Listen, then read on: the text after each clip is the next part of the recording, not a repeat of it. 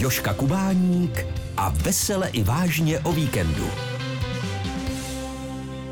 Ostudné místo Slovácka, tichý svědek utrpení, temnota uprostřed města. I tak se říká areálu, který stojí v bezprostřední blízkosti autobusového nádraží v Uherském hradišti, někdejšímu justičnímu paláci, a také věznici, kde trpěli tisíce lidí. Ten areál už mohl být nahrazen parkovištěm nebo novými byty, ale díky úsilí spolku Memoria má šanci proměnit se v důstojný památník naší historie. A právě předsedkyně spolku Anna Stránská je mým dnešním hostem. Ahoj Aničko.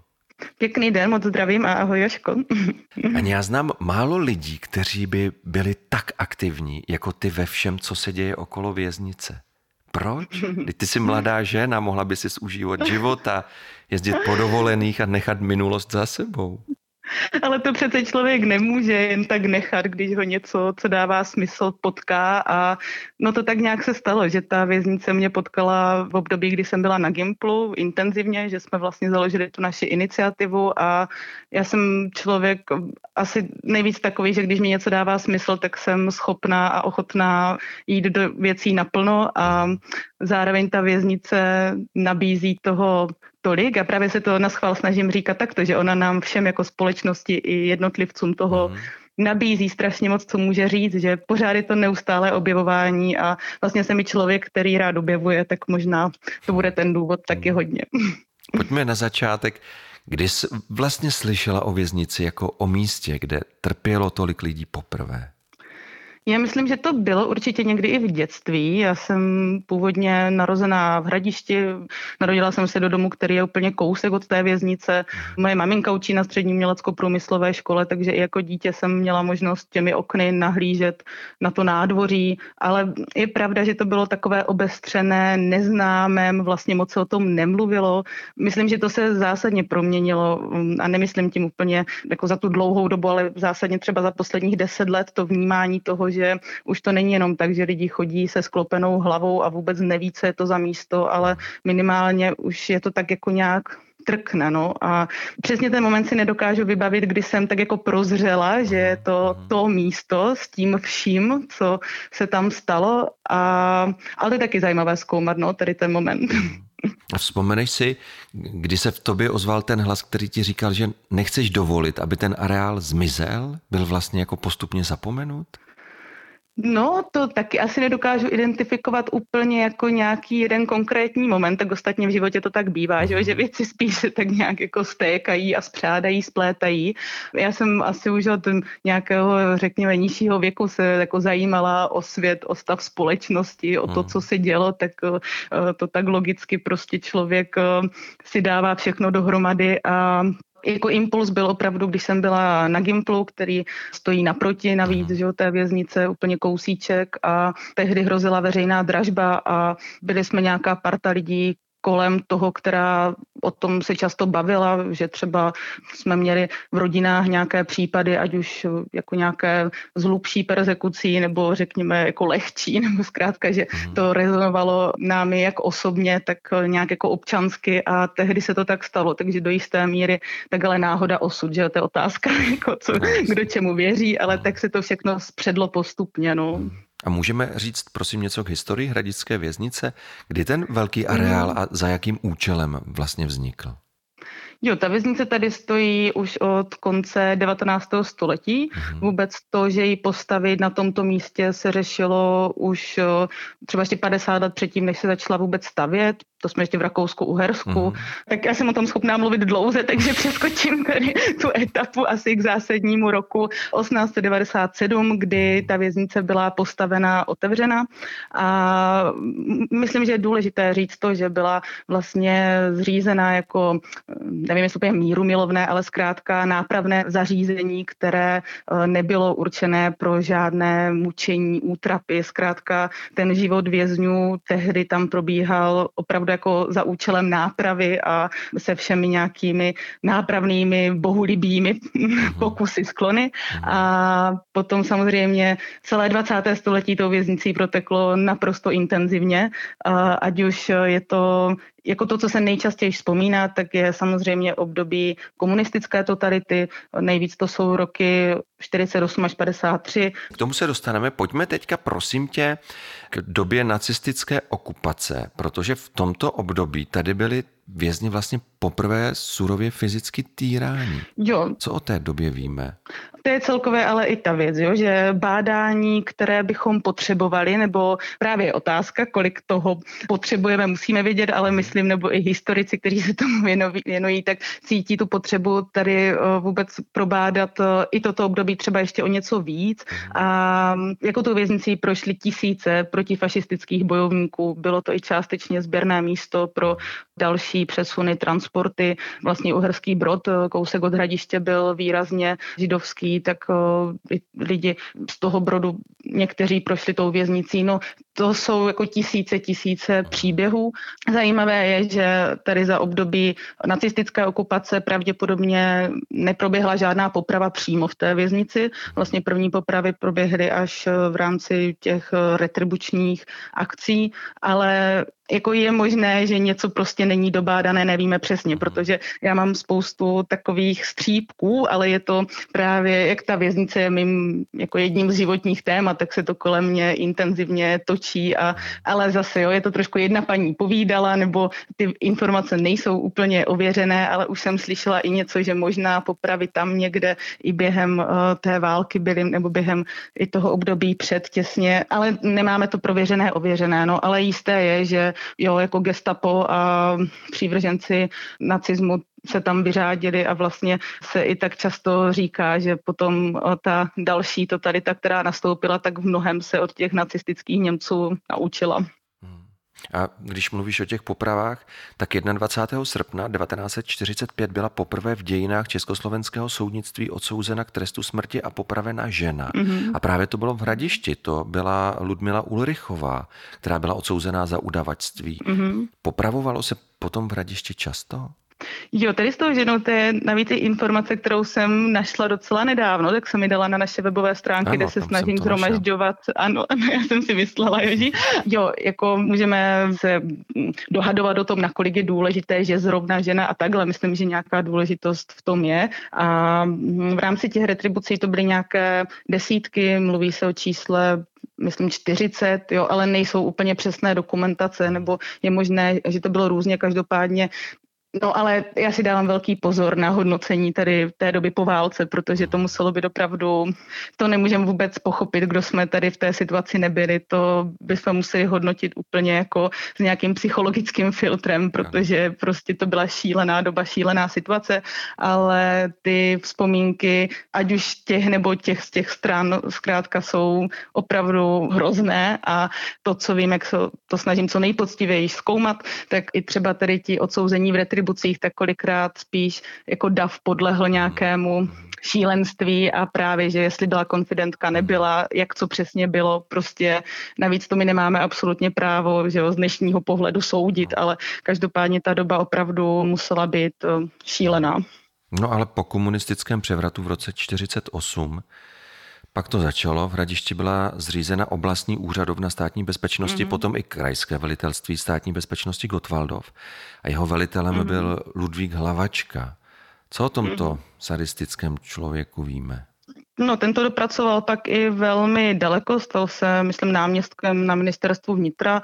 Jako je jeho zásluha, že ve státních hranicích byl elektrický proud, což ty fotky lidí uškvařených na hranicích v proudu jsou jako jedny z nejhorších, co mám vůbec v hlavě, jako že jsem viděla, že člověk člověku je schopný provést, i když to není přímo jako tou lidskou rukou, že, že někdo na někoho vstáhne ruku nebo spoušť, ale prostě toto jsou za mě úplně jedny jako vlastně z nejhorších lidských příběhů, že někdo chce utéct za svobodou a skončí jako uškvařený prostě na těch drátech, takže do jisté míry toto se mě taky pojí s tímto jménem, když ho tady zmínil a on tam byl v tom období právě, kdy tam byla i ta neblaze proslula parta vyšetřovatelů, kteří surově zacházeli s vyšetřovanci a vězni. Sami používali elektřinu pro vyšetřování, prostě mučení, řekněme to na rovinu, že jsou to ty známé takzvané Gottwaldovy boty, elektrické boty, což byly indukční plošky, které se daly strčit teda jako všude možně. A je potřeba říct, že i tehdejší režim eh, několikrát vyšetřoval ty metody, které pak se znal, že nebyly jako správné. Nicméně ti lidé, kteří toto prováděli, tak nebyli vlastně vůbec jako odsouzení, nebylo to jasně pojmenováno, vypořádáno s tím a to jsou jo, ty bolestivé věci, které si myslím, že pořád čekají na nějaké vyrovnání, aby jsme jako i společnost mohli jít nějak dál. Český rozhlas Zlín. Rozhlas naší Moravy. Předsedkyně spolku Memoria za důstojné využití věznice v Uherském hradišti Anna Stránská, to je jméno mé dnešní návštěvy. Pojďme ještě vzpomenout některé, protože já si myslím, že je důležité, aby ta jména nezapadla a nebyla zapomenuta. Aby nezůstalo teda jenom u hlavačky, dalším velitelem byl Milan Moučka. Mimochodem, byla to nějaká přízeň se slavným hercem Jaroslavem Moučkou? No, to je jeho bratr a vlastně to jsme trošku už možná v takovém bulváru, že jo, ale co vím, tak ten jejich vztah, eh, jak se často stávalo, tak jako sám si herec, že, nebo umělci prostě v tehdejším režimu to jako neměli jednoduché, nebo měli a neměli, no tak každý třeba nemá sílu úplně na ta správná rozhodnutí, ale zkrátka víš, kolem čeho kroužím. ale, a tedy bych řekla, že jo, kontext doby je často složitý, nebo je to kontext doby, ale dobro je dobro a zlo je zlo. Nicméně zpátky tady k bratru Moučkovým. Vlastně Moučka Milan byl ten, který uh, byl vyšetřovatelem eh, v Hradišti, tak ten potom ve své kariéře byl jedním z těch, kteří stáli stáli za průběhem procesu s Miladou Horákovou, takže ten to třeba dotáhl až takto jako z toho hradiště i k takovýmto činům. A ano, je to bratr toho slavného herce a říkám bulvární, spíš jako nějaké zprávy, ale že to asi mezi sebou neměli jednoduché. Tak. Já jsem se někde snad dočetl, že Jaroslav Moučka, ten herec, se distancoval od praktik svého mm. bratra. Ale jestli to tak mm. bylo, tak to opravdu nevím, to bychom jenom mm. spekulovali. A tak jedna věc jsou veřejná vyjádření a druhá věc pak jako pořád je to sourozenec Samozřejmě. člověka, že jo, jedna rodina, to jsou strašně složité věci. No. Mm. Ale těch men vyšetřovatelů, kteří mučili nevinné lidi, je mnohem víc. Já ještě vzpomenu Alojze Grebeníčka, který dožil tady mm. ve Starém městě kousek od hradické věznice.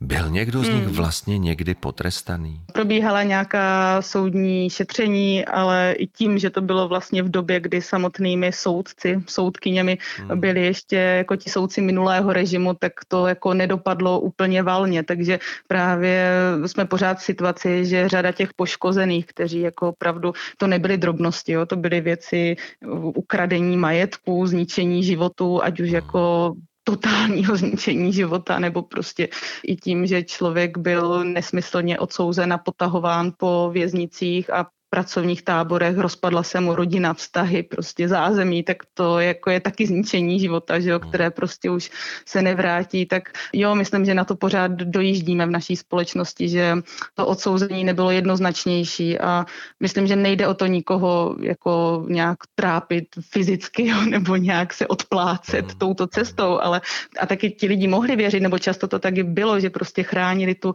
lidově demokratickou republiku a že to tak jako bylo Jo, ale myslím, že teď už konečně získáváme nějaký nadhled a jsou to věci, o kterých můžeme přemýšlet, snažit se porozumět a hlavně hledat cestu, jak z toho ven, jak se snažit odpustit, ale říkám, ten první krok je porozumět a doufám, že to by mohlo být i nějakou uh, hlavní misí toho budoucího památníku muzeáka, kterému se snad dopracujeme v mhm. Radišti. Ani, a jak se vám dnes vůbec daří dohledávat vzpomínky pamětníků? No, na jednu stranu je jich dost těch střípků, které se objevují, protože mhm. je pravda, že já jsem si to uvědomila nějak rok, dva zpátky, že Toto je opravdu potřeba zesílit, protože doteď objevuju nové lidi, pamětníky, kteří například až doteď nebyli ochotní nebo schopní ty důvody jsou různé, ta škála je široká, proč tomu tak je, vůbec o tom mluvit, že tam nějakým způsobem byli. Samozřejmě chybí nám naprosto zásadně lidi, řekněme, z té druhé strany, pracovníci, zřízenci, ale v tuto chvíli vzhledem k letopočtu jsme schopni uh, takto přímé pamětníky a to už je taky na hraně teď, že mít jako z toho období komunistické totality. Ti předchozí to už je jako promarněné, ale občas jsou rodiny, kdy se předávají informace prostě na děti a tak dál, takže ty paměti nějaké zůstávají. Já nejsem historik, ale už jsem poučená, proškolená tedy za ta léta kolem věznice různými metodami, metodikami, tak samozřejmě to verifikování informací, vůbec komparování, protože lidská paměť taky funguje nějak a i když člověk nechce si něco fabulovat, tak zkrátka ten mozek to už jako nějak tak doplní, takže je to velká, velká práce a správně narážíš, nebo narazili jsme teď na to, že těch střípků je strašně moc. Například mě se teď v divadle, protože to je jako můj pracovní domov divadlo, mhm. tak se nám rozjíždí sezóna, takže to je jako strašně, strašně náročné všechno. A do toho mám v mailu každý den několik buď dotazů na předky ve věznici, nebo prozby o různé přednášky, prohlídky a tak. A tady si zase říkám, ta absence toho, že tady ještě nemáme to muzeum, tu paměťovou instituci je úplně teď naprosto pro mě zpřítomnělá, protože prostě nestíhám vůbec odpovídat těm všem lidem, kteří pátrají, hledají hledají, na jednu stranu mám radost, že ten zájem je takový, nebo je to důkaz toho, že jako je to něco důležitého, ale vidím úplně to, že by byl potřeba nějaký tým lidí, kteří by se tomu opravdu věnovali, což teď právě není. A je možné ten tým lidí někde sehnat, zaplatit, získat? Přesvědčit? No, to by ideálně mohlo ministerstvo kultury trošku vzít do svých rukou více přes svou příspěvkovou organizaci Moravské zemské muzeum, která má na starosti vznik toho muzea památníku, ale chybí tam na to prostě lidi. Takže přestože ta věznice je nyní ve vládním programovém prohlášení, vlastně ten zájem na tom, aby tam vznikl památník, případně možná i národní památník, už je to tak i ve hře trošku, tak ten je deklarovaný ze všech možných stran, ale jako chci říct, že pořád pořád nemáme úplně nějaký, aspoň malý tým lidí, kteří by právě jako pracovníci placení, protože podotýkám, že náš spolek v tom jede jako dobrovolně, tak ten tady jako není a myslím, že je to velká škoda, protože ty střípky, které se postupně sbírají a dokonce i ještě z první republiky se našly nějaké věci, dokumenty, jo, ale to, když to leží někde v krabici, tak je to velká škoda, no. A tak toto by byl můj sen, kdyby se toto podařilo co nejdřív konečně nějak posunout, aby jsme měli zárodek toho muzea, které jako ano, muzeum je určitě i nějaká opravená budova, exponáty a tak dál, ale myslím, že muzeum je především ta instituce, kde jsou lidé, kteří se o to starají a bádají a jsou schopni interpretovat ty dějiny, provádět školy a tak dále a tak dále. Když mluvíš o tom národním památníku, jak by měl vypadat, co by to mělo být přesně za místo, co by v tom areálu, o kterém celou dobu mluvíme, mm-hmm. mělo být?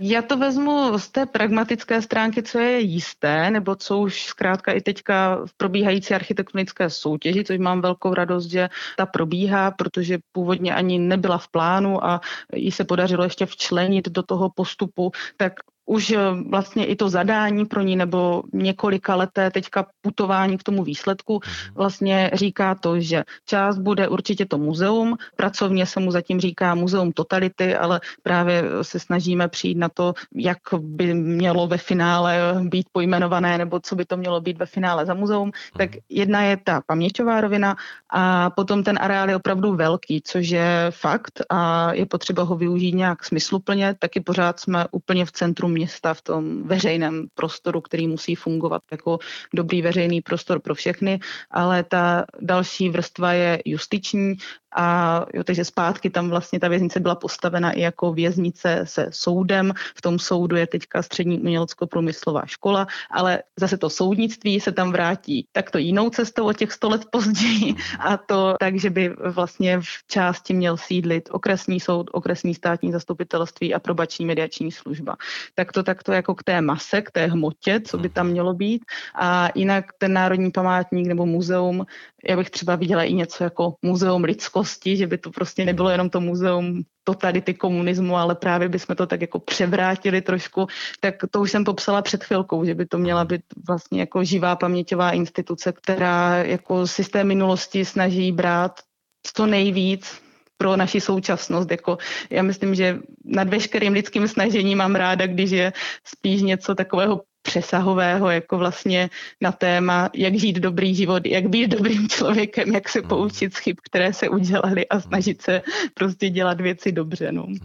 A jak tomu všemu můžeme pomoct my, úplně obyčejní lidé, kteří tě teď posloucháme mm-hmm. a nechceme zapomínat na to, co se za zdmi věznice dělo? To je moc dobrá otázka.